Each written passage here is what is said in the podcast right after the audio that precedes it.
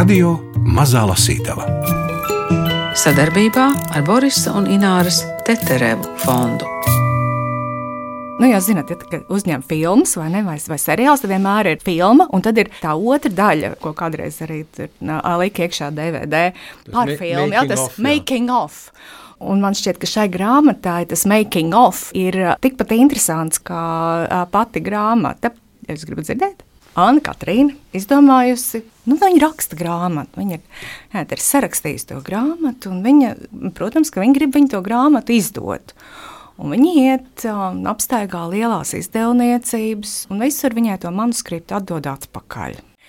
Bet nu, viņi ir uzrakstījuši to grāmatu, un viņi grib viņu izdot, nu, kā ik viens rakstnieks. Un viņi atrod vienu izdevniecību, nelielu, kas ir ar mieru izdot. Viņas apriecājas. Un tad, kad tā uh, lieta nonāk jau līdz izdošanai, tad uh, viņai uh, tiek uh, pateikts, ka nu, šīs grāmatas izdošana maksās tik un tik dāņu kronu. Un viņi ir pārsteigti, ja, nu, kā Fukaus vārstā, ja tur autori par saviem līdzekļiem, ka te ir tāda pieeja. Bet nu, viņi domā, hm, nu, ja jau reiz tik tālu esam nonākuši, nu, tad, lai būtu, lai būtu, lai iet tā lieta. Un, uh, nu, viņi tad, tā, to grāmatu izdod, bet uh, neviens viņu nav pamanījis īsti. Un viņi domā, nu kā tad tā? Viņi runā ar, ar šo izdevniecību, lai uh, viņi tomēr nu, gribētu nu, kaut kur pārdot. Varbūt vienkārši Dānijā nu, neviens viņu negrib lasīt, bet viņai tā sajūta, ka tā grāmata ir laba un ka viņi varētu kaut kur ārzemēs. Un izdevniecībā saka, nu jā, mēs pamēģināsim, un kā un tā, un... bet tur arī nekas nesanāk.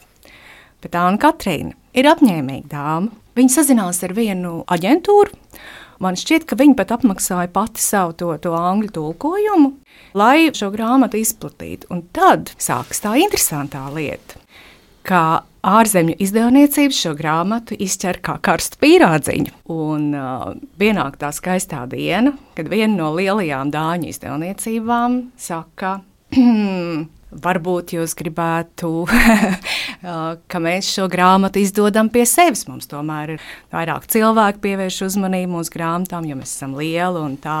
Un, tāds tas smukais stāsts. Un tie paši, kas pirms tam bija atteikuši. Tie paši, tie paši, jā, jā. Un tad viņi aicina uz smalkām vakariņām. Un, jā. jā, un tagad grāmata ir izdota radošā Eiropa, tajā lodziņā, kas nozīmē, ka daudzās valodās. Jā.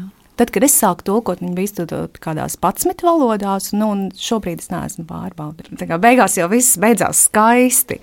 Jā, bet par to veidu tas aplis, man liekas, kaut kādā ziņā tai grāmatai pat piestāv. Nu, ar, mm -hmm. Arī ar to, ka, nu, ka tu saproti, ka, nu, ka nav neviens brīdis, nav tas brīdis, kad tev būtu jānolaiž spārni. Grāmatas Agate ceļš līdz lasītājiem un līdz tulkojumiem radošajā Eiropā bija tik sarežģīts un autore Anna Katrīne Bomane tik neatlaidīga. Šodien sarunājamies ar Agates tulkotāju no dāņu valodas Ingu Mežaraupu, lasa Gundars Āboliņš, jautā Ingvilde Strautmane.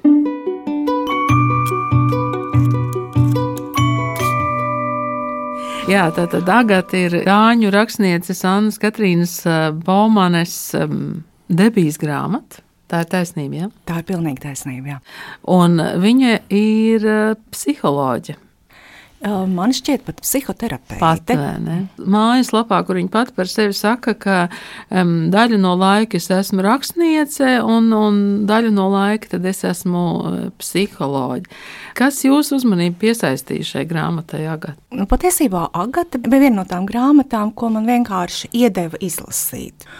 Es uh, iekritu un es uh, aizgāju līdz tam, tam plūdumam, nu, tam gaišumam, kas ir grāmatā. Neraugoties uz to, ka tās tēmas, kas tur tā, tiek skatītas, nemaz nav tādas ļoti vieglas. Gaišumā. Es iekritu gaišumā, jā. jā, bet sākas jau tas tā diezgan pusbezcerīgi, vai ne? Pusmūža, nu patiesībā jau otrā mūža pusē esošais psihoterapeits, kuram vispār nekas neinteresē un kurš skaita tikai tās stundas, cik viņam vēl ir jāpiedzīvo savu pacientu. Man liekas, tur tās divas lietas, kas uzreiz iezīmējas. Uh, viens ir tas, ka viņam ir uh, nu, tie atlikušie seansi, kuriem galu viņš vairs nevar sagaidīt. Un otra lieta ir tā, ka grāmata sākas patiesībā ar to, ka aiz loga ir meitenīte, kas, kas rotaļājas un pakrīt un sasits, un, un viņam ir bail Viņš atraujas no loga, un viņam ir bail vispār, jebkādā veidā veidot jebkādu saskarsmi pat ar to, ka ir noticis nu, mazam bērnam. Ir, ir, viņš tā kā paslēpjas īstenībā. Viņš, viņš, viņš paslēpjas, viņš slēpjas no sevis, no cilvēkiem, no visiem, no viss. Nu, bet uh, viņš skaita un skaita tos uh, pacientus, un tā grāmata sākumā atgādina tādu vienu žanru, kas arī kino ir par to, ka kādam cilvēkam atkārtojas dienu no dienas viens un tas pats, viņš iet uz darbu, viņš redz to savu sekretāri, kura arī dienu no dienas dara vienu un to pašu. Un tad, kad tas tā ilgi turpinās, ir diezgan skaidrs, ka ir kaut kam jānotiek, lai kaut kas mainītos. Tas tā kā murkšķa diena gandrīz vai? Jā, jā. Jā, jā. tā kā murkšķdiena, bet tad, tad ienāk sieviete. Jā, viņa patiesībā tur tā kā iebrāžas gandrīz vai, ja? Nu, ļausim, lai Gundars palasa, jo savādāk mēs zinām, kas tur notiek. Bet es nezinu. Nu tad pamēģini kaut ko uzzināt. Dvesma. Sirižē kundze mani sagaidīja vienādi ik rītu, kopš bija pieņēmis viņu darbā. Dienu no dienas viņa sēdēja tur, pie lielā sarkana koka rakstām galda, kā karaliene tronī, un, kad es ienācu pa durvīm, viņa nokāpa zemē, lai paņemtu manu spieķi un mēteli. Bet es tikmēr uzliku platmalu uz plaukta virs pakaramajiem. Pa to laiku viņa izstāstīja, kāda izskatās šīs dienas pierakstu rinda, un pēdīgi pasniedza man kaudzīti ar medicīniskajām kartītēm, kas citkārt bija akurāti arhivētas lielā plauktu sistēmā aiz rakstām galda. Mēs pārmijām vēl dažus vārdus, un pēc tam es viņu parasti neredzēju līdz 12.45, kad devos prom no prakses, lai pēstu viduvēju maltīti tuvējā restorānā. Kad atgriezos, viņa allaž sēdēja taisni tā, kā biju viņu atstājis, un reizē man ienāca prātā, vai viņi vispār ēd. Pēc ēdiena nesmaržoja, un es nekad nebiju redzējis pat ne drupačiņu zem viņas rakstām galda. Vai Sirižēja kundzei maz vajadzīgs uzturs, lai dzīvotu? Šai rītā viņa man pastāstīja, ka esot zvanījusi kāda vāciete, kas gribot vēlāk ienākt, lai aizrunātu laiku. Es aprunājos par viņu ar doktoru Dirānu. Viņa šķiet pirms dažiem gadiem bijusi ielikta svētā Stefana klīnikā ar smagu māniju un pašnāvības mēģinājumu. Nē, es kategoriski sacīju. Mums viņai jāatsaka. Viņas ārstēšana prasīs gadus. Arī doktors Dirāns uzskata, ka viņai būtu labāk iet atkal slimnīcā, bet viņa uzstāja, ka grib nākt pie jums. Es noteikti varu atrast viņai laiku kalendārā. Siržē kundze jautājoši palūkojās uz mani, bet es papurināju galvu. Nē, nē, nē nekas nesanāks. Esiet tik laipni un palūdziet, lai viņa vēršas pēc palīdzības citur. Kad beigšu savas darba gaitas, būšu praktizējis te vai pusi gadsimta, un tas ir vairāk nekā pietiekami. Mazāk par visu man bija vajadzīgs jauns pacients. Siržē kundze pavērās manī mirkli ilgāk, bet tad turpināja iepazīstināt ar dienas grafiku, pie pirmītējā temata vairs neatgriežoties. Paldies, viss ir lieliski! Es teicu, paņemdams pretī medicīnas kartīšu kaudzi un devos uz savu kabinetu. Tas atradās otrā galā lielajai priekštalpai, kurā valdīja ir žēkundze un kurā pacienti varēja sēdēt un gaidīt savu kārtu. Līdz ar to, kad es strādāju, mani nevarēja iztraucēt ne sekretāras iespējamās sarunas ar pacientiem, ne rakstām mašīnas klabināšana. Tikko bija ieradusies pirmā paciente, garlaicīga sieviete vārdā Gainsbūras kundze. Viņa sēdēja un šķirstīja kādu no žurnāliem, ko Sirižē kundze pa laikam šurpat nes. Es nopūtos mazliet par dziļu un atgādināju sev, ka pēc viņas mani gaida vairs tikai 753 seansi. Diena pagāja bez pieturas punktiem līdz brīdim, kad atgriezos kabinetā pēc pusdienām. Gandrīz uzskrējis virsū nāvīga bālē tumšmatei, kas stāvēja turpat aiz durvīm. Es atvainojos par savu neveiklību. Sieviete bija neiedomājama sīciņa, bet acis smailajā sejā bija milzīgas.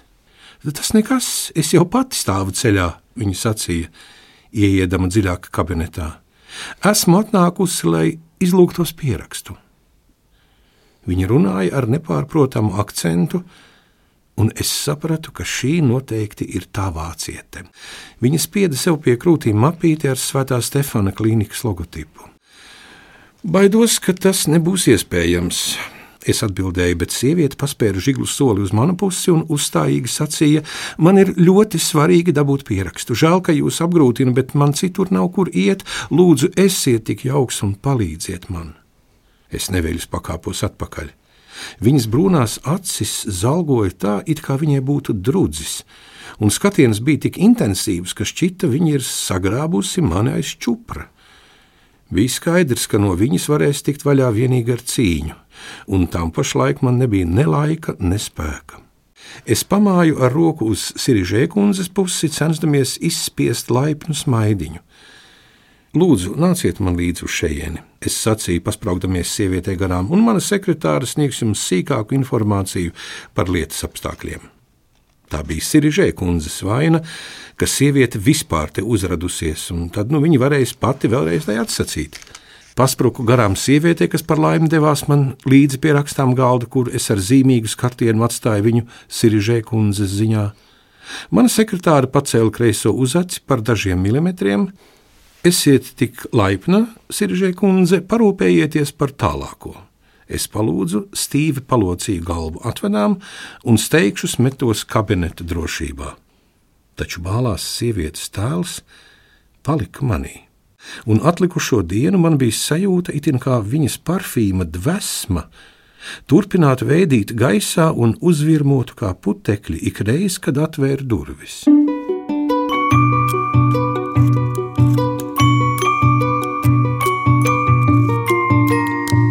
Radio Mazā Lasītava. Inga, jūs ļoti uzmanīgi vērojāt Gunteru, kad viņš eh, lasīja. Kāpēc tā? Tāpēc, ka es to baudu. Es pārlasu, tā, es pēdējo reizi pārlasu, es lasu skaļas tev priekšā. Tāpēc es Jā, zinu, es zinu tās intonācijas. No tām tūkotājām, kas lasa skaļi, ja? Uh, jā, jā, jā. Mēs zinām un pazīstam vairākas tādas. Agate viens vai Agate pirmā. Tad nu tiekamies atkal. Nāciet iekšā, Cimermans kundze. Es apsveicinājos un paspiedu viņas pārlieku salto roku. Viņa mugurā bija brūni svārki un bezformīga melna blūze ar atlokāmu apakli, kas viņas kārnējam augumam izskatījās vismaz pāris izmēru par lielu. Iepriekšējās reizes urbīgais skatiens ir zudis, un šobrīd ir grūti saprast, kā viņai izdevies gūt uzvaru gan pār doktoru Dirānu, gan Sirižē kundzi ka zim man palēmējis tikt no viņas vaļā. Varat iekārtoties uz tahtas, kā jums ērtāk. Noplātījis roku uz zaļās kušetes pusi, pats apsēdos dziļajā klubkrēslā, kur brūnais sēdeklis bija tā nodilis, ka dažviet turpat vai melns. Paldies, bet vispirms jums jāapsola, ka pārstāsiet mani saukt par Cimermanas kundzi. Esiet tik mīļš, sauciet mani par Agati. Nebija gan tā iegājies, ka precētus pacientus sauktu vārdā, bet diez vai celsies kāds sliktums, ja viņai paklausīšu. Kā jums tīk? Viņa īsi pasmaidīja un aplaida skatienu kabinetam, kurā bez tahtas un klubkrēsla bija vēl rakstām galds, ar krēslu un divi augsti plaukti piekrauti ar grāmatām, kureiz bija vācis ar lielu aizrautību un lasījis. Tad viņa piesardzīgi apsēdās, pagrozījās un pēdīgi nogulās uz muguras. Labi, Īstenībā es vēlos sākt ar to, ka vēlreiz ierosinu jums vērsties pēc palīdzības citur. Es ierunājos. Kā jau zināt, pēc nepilna pusgada es beigšu savas darba gaitas, un būsim godīgi, tik īsā laikā es diezinu, vai spēšu jūs dziedināt. Jums daudz labāk būtu atrast kādu, kurš var būt jums līdzās visu terapijas laiku, varbūt kādu Parīzes ārstu. Agate strauji uzrāvās sēdus un izsaucās: Par to nevar būt nerunas! Es netaisos ne dziet slimnīcā, ne dzert zāles. Es gribu, lai man ir kāds, ar ko aprunāties. Es esmu nolēmusi, ka tas būsit jūs. Viņa pastiep zodu uz priekšu un ieurbās man acīs ar skatienu, kas pauda, ka tad, ja gribēšu tikt no viņas vaļā, man būs jāvelk viņa ārā aiz matiem. Es nopūtos un palocīju galvu. Ja jūs patiešām tā vēlaties, jā, es tā vēlos. Lieliski! Ja būs tāda nepieciešamība, es jūs ieteikšu kādam no saviem kolēģiem, kad mūsu kopdarbības laiks būs beidzies. Viņa paraustīja plecus, it kā tam nebūtu nekādas nozīmes, un no jauna apgūlās. Tad ar žiglu kustību noslaucīja padaguni, pēc tam gulēja nekustīga. Tad mans ierosinājums būtu tāds, es turpināju, ka mēs tiekamies divreiz nedēļā, otrdienās, pulksten 15. un piekdienās, pulksten 16. pa stundai katrā reizē. Mans honorārs ir 30 franku par stundu.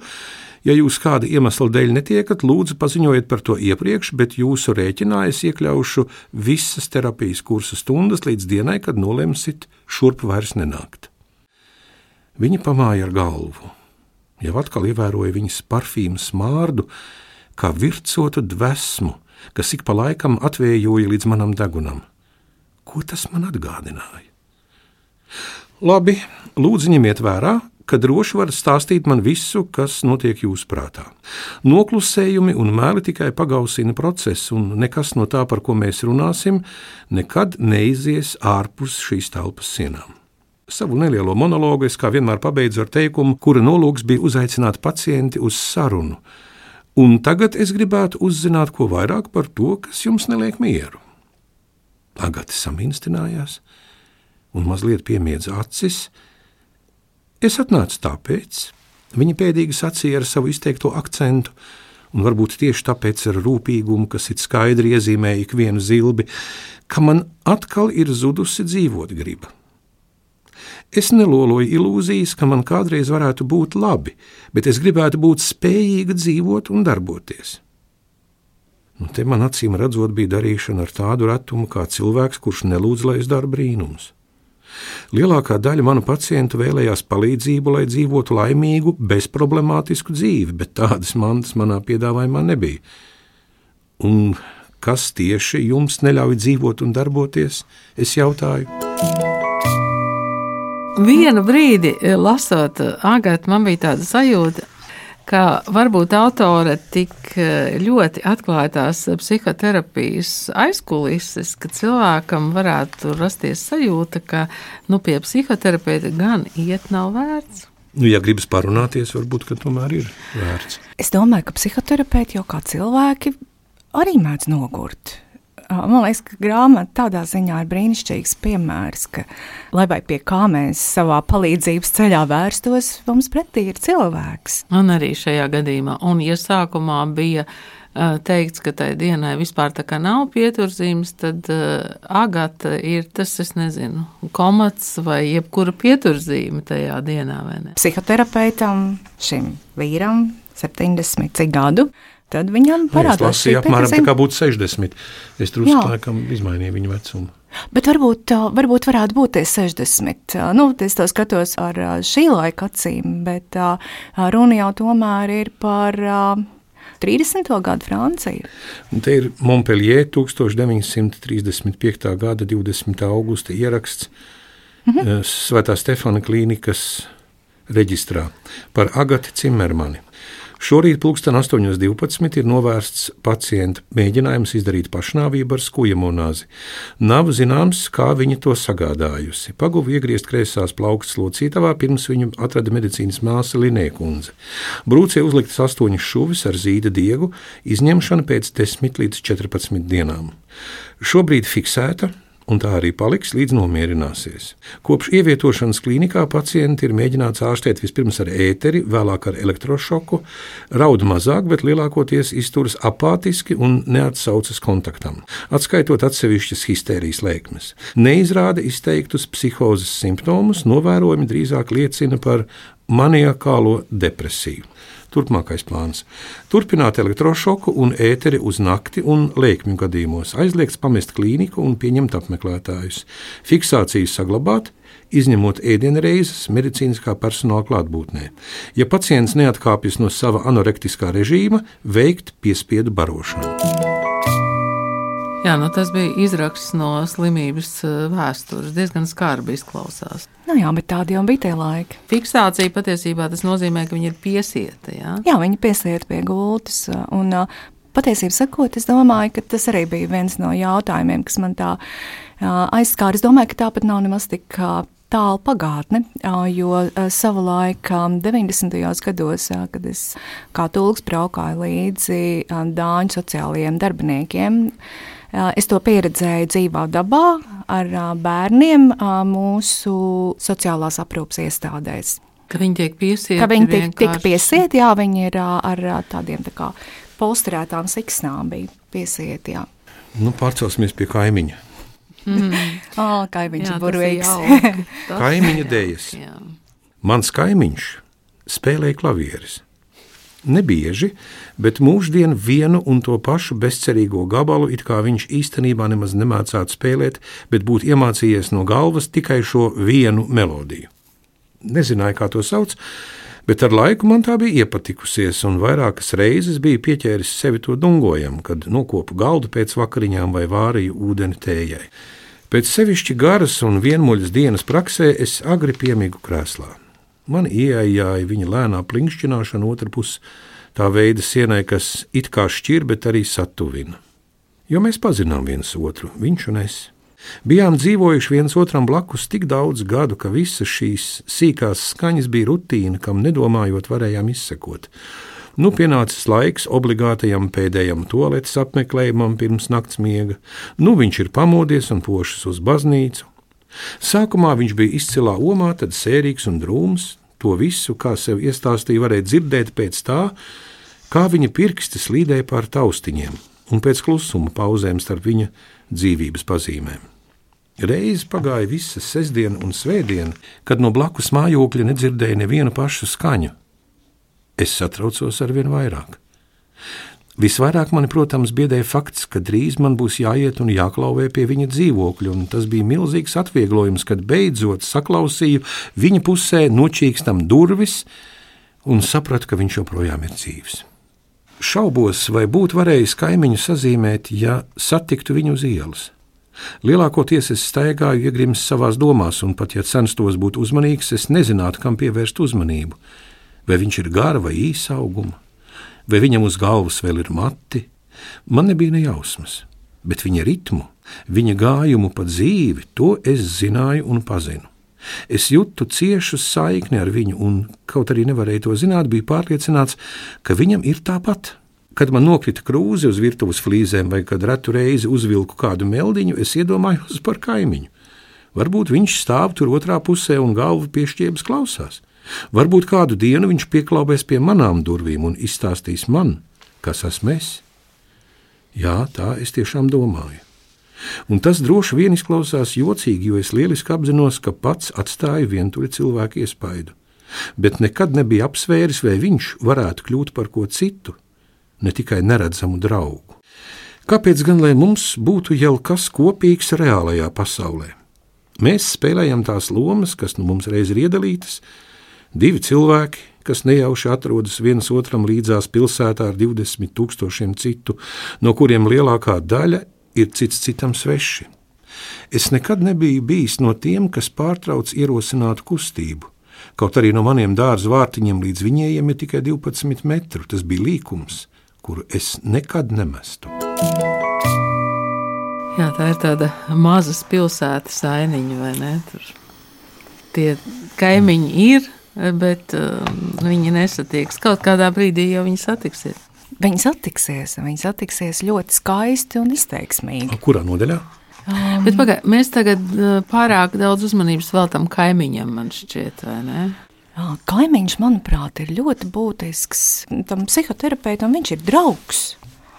Jā, nu, tas draugs, kur viņam nav, bet kurš viņam rada to sajūtu, ka viņš dzīvo, jo viņš, nu, viņš viņu jūt tur blakus aiz sienas. Jā, un iespējams viņš varētu pateikt, kas viņš īsti ir, tas psihoterapeits, kas man šķita, vai ne, pilnīgi apgriezti otrādi. Kārtošana. Tovakar man pēkšņi radās grūtības samierināties ar to, ka mans mājoklis izskatās tieši tāds, kāds tas bijis vienmēr.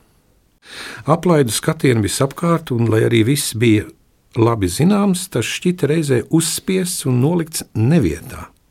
Uzplaiksnīja doma, ka savā pieauguša cilvēka mūžā neesmu iegādājies it nevienu jaunu mantu, pat ne dakšiņu vai matraci gultē. Viss vai nu mantots, vai vecāku dāvināts, un manās mājās tas bija tāpēc, ka tam nebija nekādas vainas. Tā nu es vispirms ķeros klāt pie sava tēva gleznām. Pa vienai vien nocēlu tās no naglām, un to darīdams, arvien vairāk izbrīnījos par to, cik noplukušas ir sienas. Gleznas bija septiņas. Piemiedzis acis, to motīvus es atcerējos labāk nekā tēva seju. Vairākas bija vecākas par mani, un tās vienmēr bija tur karājušās, un es nekad nebiju prātojis par to, vai man tās vispār patīk. Tad pievērsos sekretāram. Nebija tajā ieskatījies daudzus gadus, un nu pārlūkoju atvilktnes ar tādu kā ziņkārību. Mani vecāki nebija sentimentāli ļaudis un, piemēram, nekad nestāstīja jautras atgadījumus no manas bērnības. Taču vienā no atvilknēm atradu kārbiņu ar saviem piena zobiem, un vairākās tēva glaznās bija sīkas zīmes, kuras, kā vienmēr bija zinājis, esmu atstājis es. Bērnu pēdu nospiedums smiltīs, garš un īss stāvs starp meža lokiem tālumā. Apakšējā atvilknē atradu galdautu un sāku kraut uz tā mantas, kas jāsviež ārā. Augšējā atvilktne bija savērpusies, bet ar pāris stingriem rāvieniem atdabūju to vaļā. Izrādījās, ka tajā ir liela daļa tēva gleznotāja piedaruma, pasteļkrītiņu un eļļas krāsas, otras rūpīgi sasaiņotos maisiņos un pāris piezīmētu skiču bloknotu. Atradu arī kārbiņu ar īpašiem zīmuļiem, kurus tēvs ļāva izmantot tikai tad, kad zīmējām abi kopā. Augšējās mazajās atvilktnēs glabājās manu vecāku vēstules no tiem laikiem, kad mamma vēl nebija pārcēlusies no Anglijas šurp. Dažas fotogrāfijas, vēstuļu nāzes un baltu papīra turziņa ar pastmarkām, kas sen izņemtas no apgrozības. Lielākā daļa nonāca atkritumu kaudzē. Tad es paņēmu rokā vienu no melnajām piezīmju burtnīcām, ko sev par lielu prieku atradu vidējā atvilktnē, Biju tās lietojis pirms daudziem gadiem, vēlās pēcpusdienās, kad pēdējais pacients bija aizvēris aiz sevis durvis, un es aiz bezdarbības apspriedu pats ar sevi izskatītās lietas. Viena vieta bija rakstīts: mācies, klausīties, un es sajūtu klusu nožēlu, iztēlojoties sevi jaunībā, kad biju sēdējis kabinetā un prātojis, kā pilnveidoties savā profesijā. Ar rādītāju pirkstu pārlaidu pār aizrautīgajām pagātnes pēdām uz papīra. Rokraksts nebija mainījies, kamēr bija novērsis skatienu. Cilvēks gan. Es ilgi sēdēju vienā pozā un šķirstīju burtnīcas, priecādamies par dažu labu novērojumu un atminēdamies sarežģītus vai mīļus pacientus, bet beigās aptrūkās dukas. Viss šķita sāpīgs. Pārgurumā apsēdos uz gultas malas un nodomāju, ka būtu jāiztīra zobi. Taču atliecos atpakaļ, līdz gulēju uz muguras, kājām joprojām pārmestām pāri malai un pēdām balstoties pret grīdu. Tāds es arī pamodos nakts vidū, sāpēja visi kauliņi. Es ar lielām pūlēm novilku kurpes un palīdu zem segas, kā pieklājas. Tad no jauna aizmigu. Nākamā diena man bija jāpavada smeldzošā, toties savādi atpūtinātā ķermenī. Brokastis paēdu dzīvojamā istabā, kas bez glaznām izskatījās jauna un atkailināta, gluži kā audekls, kas lūgtin lūdzas, lai to apglezno. Dodoties ārā no mājām, es stiepu līdzi lielu maisu, kuru izmetu izgāstuvē dažus kvartālus tālāk.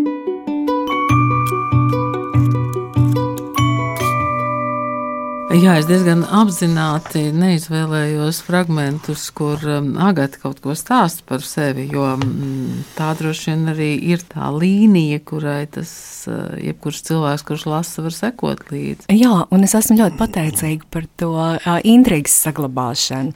Uh, nu, izvēloties fragmentus, jo tie reizē iezīmē attīstība, kas ir grāmatā, un reizē atstāja iespēju tās durvis uz grāmatu katram atvērt pašam. Vai jums ir kādas ziņas, ko autori dara tagad, raksta? Autori, cik es zinu, joprojām raksta, joprojām arī strādā. Nu, par Jā. psiholoģiju, psihoterapeitu. Um, Jūs neesat pazīstams? Nē, mēs neesam pazīstams. Es uh, pazīstu, man šķiet, ļoti maz uh, dāņu uh, rakstnieku, nu tā dzīvā dabā. Anna Katrīna Bolmana ir vienīgā autora, kas uh, pati man ir atsūtījusi autora eksemplāru ar grāmatu, kurai nav šis uh, vārks, uh, tas ir citādāks, uh, iekšā ierakstītu love Vai Dāņu gadījumā mm, nav domājuši par filmas uzņemšanu?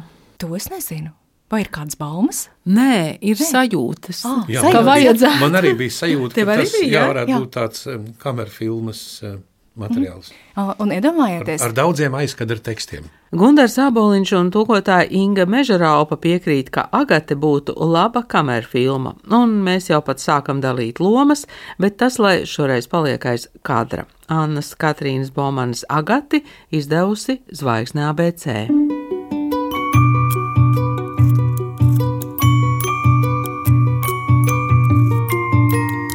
Radio Mazā Lasītava.